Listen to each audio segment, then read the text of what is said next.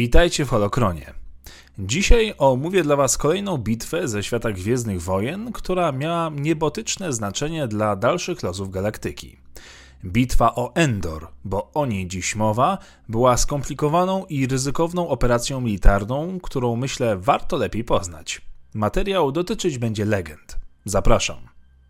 W czwartym roku po bitwie o Jawin Sojusz Rebeliantów dowiedział się, że Imperium buduje drugą stację kosmiczną, jeszcze większą i groźniejszą Gwiazdę Śmierci.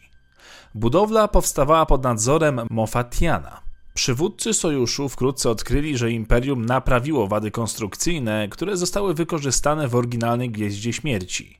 Zdecydowano, że stacja będzie musiała zostać zniszczona przed jej ukończeniem, ponieważ zatrzymanie jej po jej uruchomieniu byłoby praktycznie niemożliwe. W ramach przygotowań do nadchodzącej bitwy Palpatine zaaranżował przybycie Darth Vadera na orbitę Endora, aby upewnić się, że główny nadzorca budowy, wspomniany Moff, dopilnuje ukończenia budowy systemów uzbrojenia. Palpatine również przybył na stację, by osobiście przekonać się o postępach. W rzeczywistości stacji brakowało ludzi do pracy, a ponadto zdarzały się incydenty, w których ginęli technicy.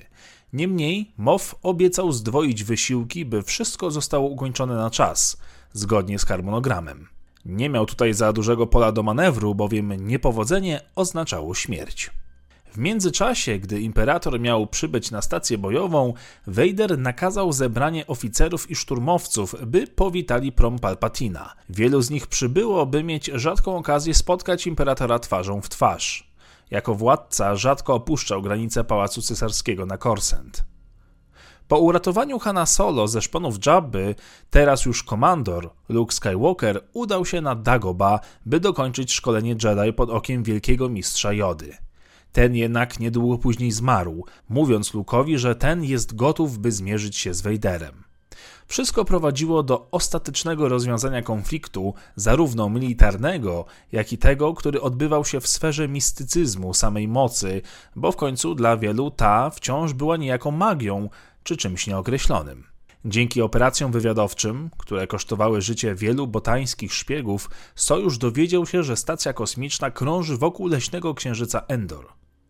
Ponadto rebelianci dowiedzieli się, że chociaż stacja była chroniona przez potężną tarczę deflektora znajdującego się na Księżycu, broń stacji nie była jeszcze w pełni operacyjna. Co więcej, dowiedzieli się również z samego datapadu imperatora, skradzionego w bitwie pod Korriban, że imperator osobiście nadzorował ostateczną budowę stacji. Zniszczenie Gwiazdy Śmierci, gdy imperator był na pokładzie, zadałoby Imperium Galaktycznemu miażdżący cios. Być może cios, który uwolniłby galaktykę spod imperialnego jarzma. Okazja była zbyt dobra, by ją przepuścić. Sojusz zaplanował więc dwutorowy atak. Oddział komandosów, dowodzony przez generała Hanna Solo i koordynowany przez generała Brena Tantora, byłego generała imperialnego, który pracował przy budowie generatora tarcz, wyląduje na Księżycu w skradzionym imperialnym promie i wyłączy projektor deflektora tarczy dla całej bazy. To pozwoliłoby flocie rebeliantów zaatakować i zniszczyć Gwiazdę Śmierci. Wahadłowiec Tidirium był gotowy ale brakowało odpowiedzialnej załogi. Na to miejsce zgłosiła się księżniczka Leia, Chewie oraz nowo przeszkolony Jedi Skywalker.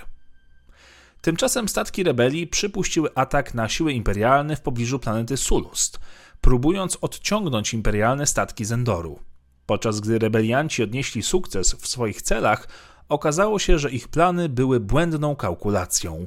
Palpatine opracował strategię utrzymania większości floty w pobliżu stacji bojowej. Dobrze wiedział, że rebelia zaaranżuje jakiś plan, który miał za zadanie odciągnąć uwagę głównych sił.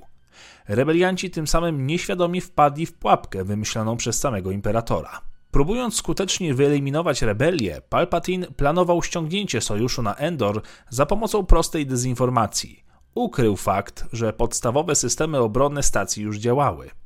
Osobista flota Darth Vadera, eskadra śmierci, została wzmocniona do siły ponad 30 gwiezdnych niszczycieli zgromadzonych na Endorze, by czekać na atak rebelii ze skadrą śmierci ukrytą po drugiej stronie Księżyca i elitarnym legionem imperialnych żołnierzy stacjonujących na powierzchni satelity w pobliżu generatora tarczy, Palpatine był gotów raz na zawsze zmiażdżyć flotę Sojuszu. Gdzie indziej w galaktyce Imperium zgromadziło potężne floty inwazyjne na granicach sektora Kalamari i ojczystej planety Mon Mothmy, Chandirli. Palpatine planował rozbić flotę Akbara na Endorze, podczas gdy jego floty działały na Mon Calci i Chandirli. Gdy Gwiazda Śmierci zostałaby ukończona, stacja następnie unicestwiłaby obie planety, kończąc raz na zawsze istnienie rebelii. Gdy drużyna uderzeniowa rebeliantów przybyła do systemu Endor, napotkali kilka problemów z powodu przedawnionych kodów dostępu.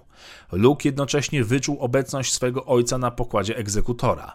Jednocześnie zdał sobie sprawę, że jest zagrożeniem dla całej misji, bowiem to właśnie jego chciał odnaleźć Vader i zrobiłby wszystko, by tak się stało, niezależnie od ilości ofiar po każdej ze stron.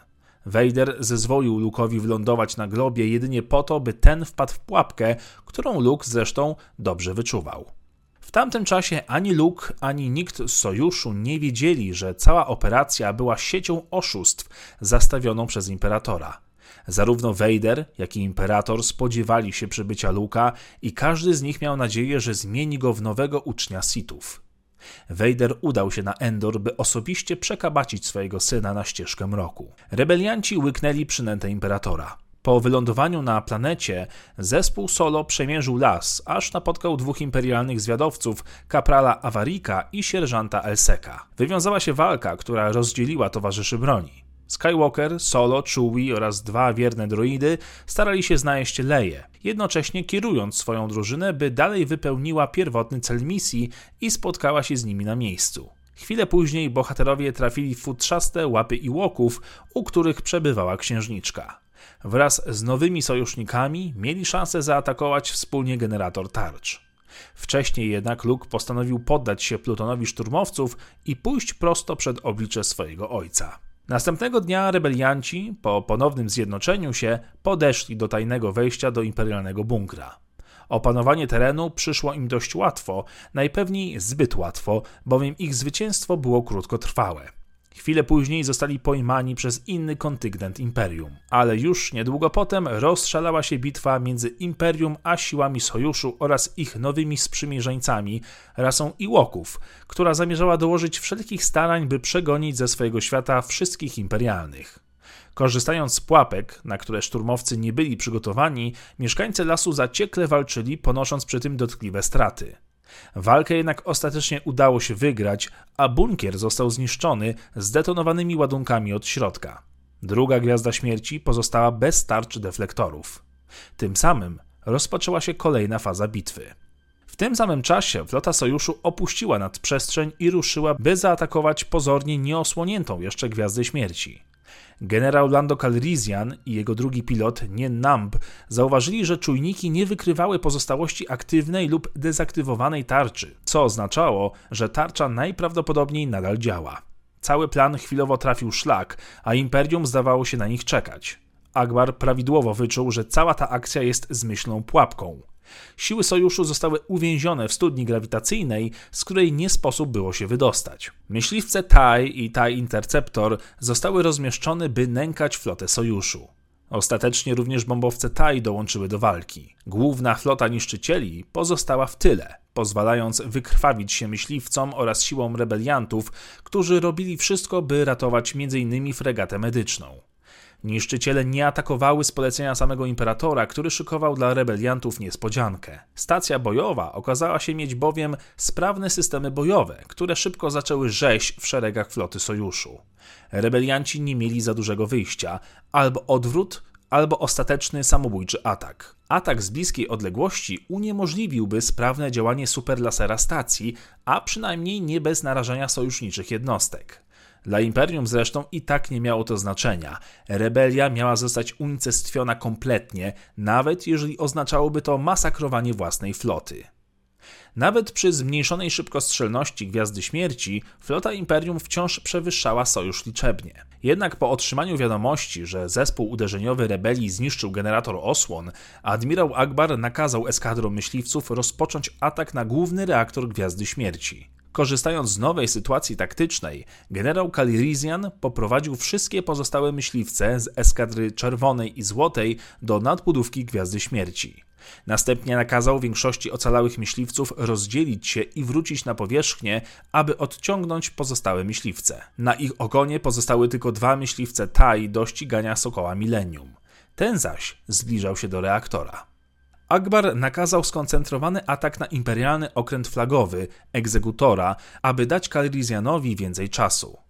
W wyniku różnych wypadkowych i zawieruchy wojennej mostek niszczyciela został zniszczony, a nim drugorzędne centrum dowodzenia mogło odzyskać kontrolę nad statkiem, egzekutor został złapany przez studnię grawitacyjną Gwiazdy Śmierci i w konsekwencji został wciągnięty w jej stronę, by chwilę później rozbić się o nią, zabijając wszystkich pozostałych oficerów i członków załogi na pokładzie. Głównodowodzący Moff, pamiętając rozkaz imperatora, by zniszczyć księżyc, jeśli tarcza zostanie unieszkodliwiona, zaczął obracać gwiazdę śmierci w kierunku Endora. Akbar zaś nakazał, by wszystkie statki zostały odsunięte od gwiazdy śmierci, wyczuwając, że wkrótce zostanie ona zniszczona. Wedge Antilles i generał Calrissian zdołali dotrzeć do głównej komory reaktora, biorąc na cel energetyczny rdzeń. Tymczasem w trzewiach stacji odbywał się inny pojedynek między jasną a ciemną stroną mocy. Luke, pokonany przez Vadera, odrzucił ostatecznie zakusy ciemnej strony, co prawie przypłacił życiem z rąk imperatora. Ten jednak nie zdążył zadać ostatecznego ciosu, gdyż został zdradzony przez własnego ucznia, który, poświęcając życie, by ocalić syna, rzucił swoim mistrzem prosto w otchłań reaktora. Najpotężniejszy Sith przestał istnieć, oczywiście do momentu powstania sequeli, niemniej na tamtą chwilę siły dobra wygrały. Luke próbował jeszcze uratować swojego nawróconego ojca, jednak ten był już w stanie agonalnym. Jego ostatnią prośbą było spojrzeć na syna własnymi oczami, nie zaś obrazem filtrowanym przez pancerz, który stał się symbolem galaktycznego zła oraz jego własnego, nieskończonego cierpienia. Chwilę później Anakin Skywalker zjednał się z mocą. Luke zaś zabrał na wahadłowiec jego pancerz. Wedge Antilles i Lano Carlisian zbliżali się do głównego reaktora. Antilles wystrzelił dwie torpedy protonowe w regulator mocy, a Calrissian wystrzelił pociski wstrząsowe, które trafiły bezpośrednio w główny reaktor, powodując potężną eksplozję. To zapoczątkowało reakcję łańcuchową, która ostatecznie zniszczyła całą stację. Wraz ze zniszczeniem Gwiazdy Śmierci i zaprzestaniem walki floty, rebelianci mogli tylko posprzątać to, co zostało z bitwy. Imperialni stracili zapał do walki, widząc, że całe dowództwo praktycznie przestało istnieć. Niemniej nie zamierzali składać broni. Teraz mieli własny problem, który polegał na zaciekłej walce o pozostawioną władzę. Ale to już inna historia. I to wszystko na dzisiaj. Dziękuję Wam za oglądanie. Zostawcie proszę komentarz oraz suba na kanale, jeżeli chcecie więcej materiałów. Proponujcie tematy odcinków. Ja bardzo dziękuję patronom za ciągłe wsparcie i oczywiście niech moc zawsze będzie z Wami. Odcinek powstał dzięki wsparciu następujących patronów. Dziękuję Wam i niech moc zawsze będzie z Wami.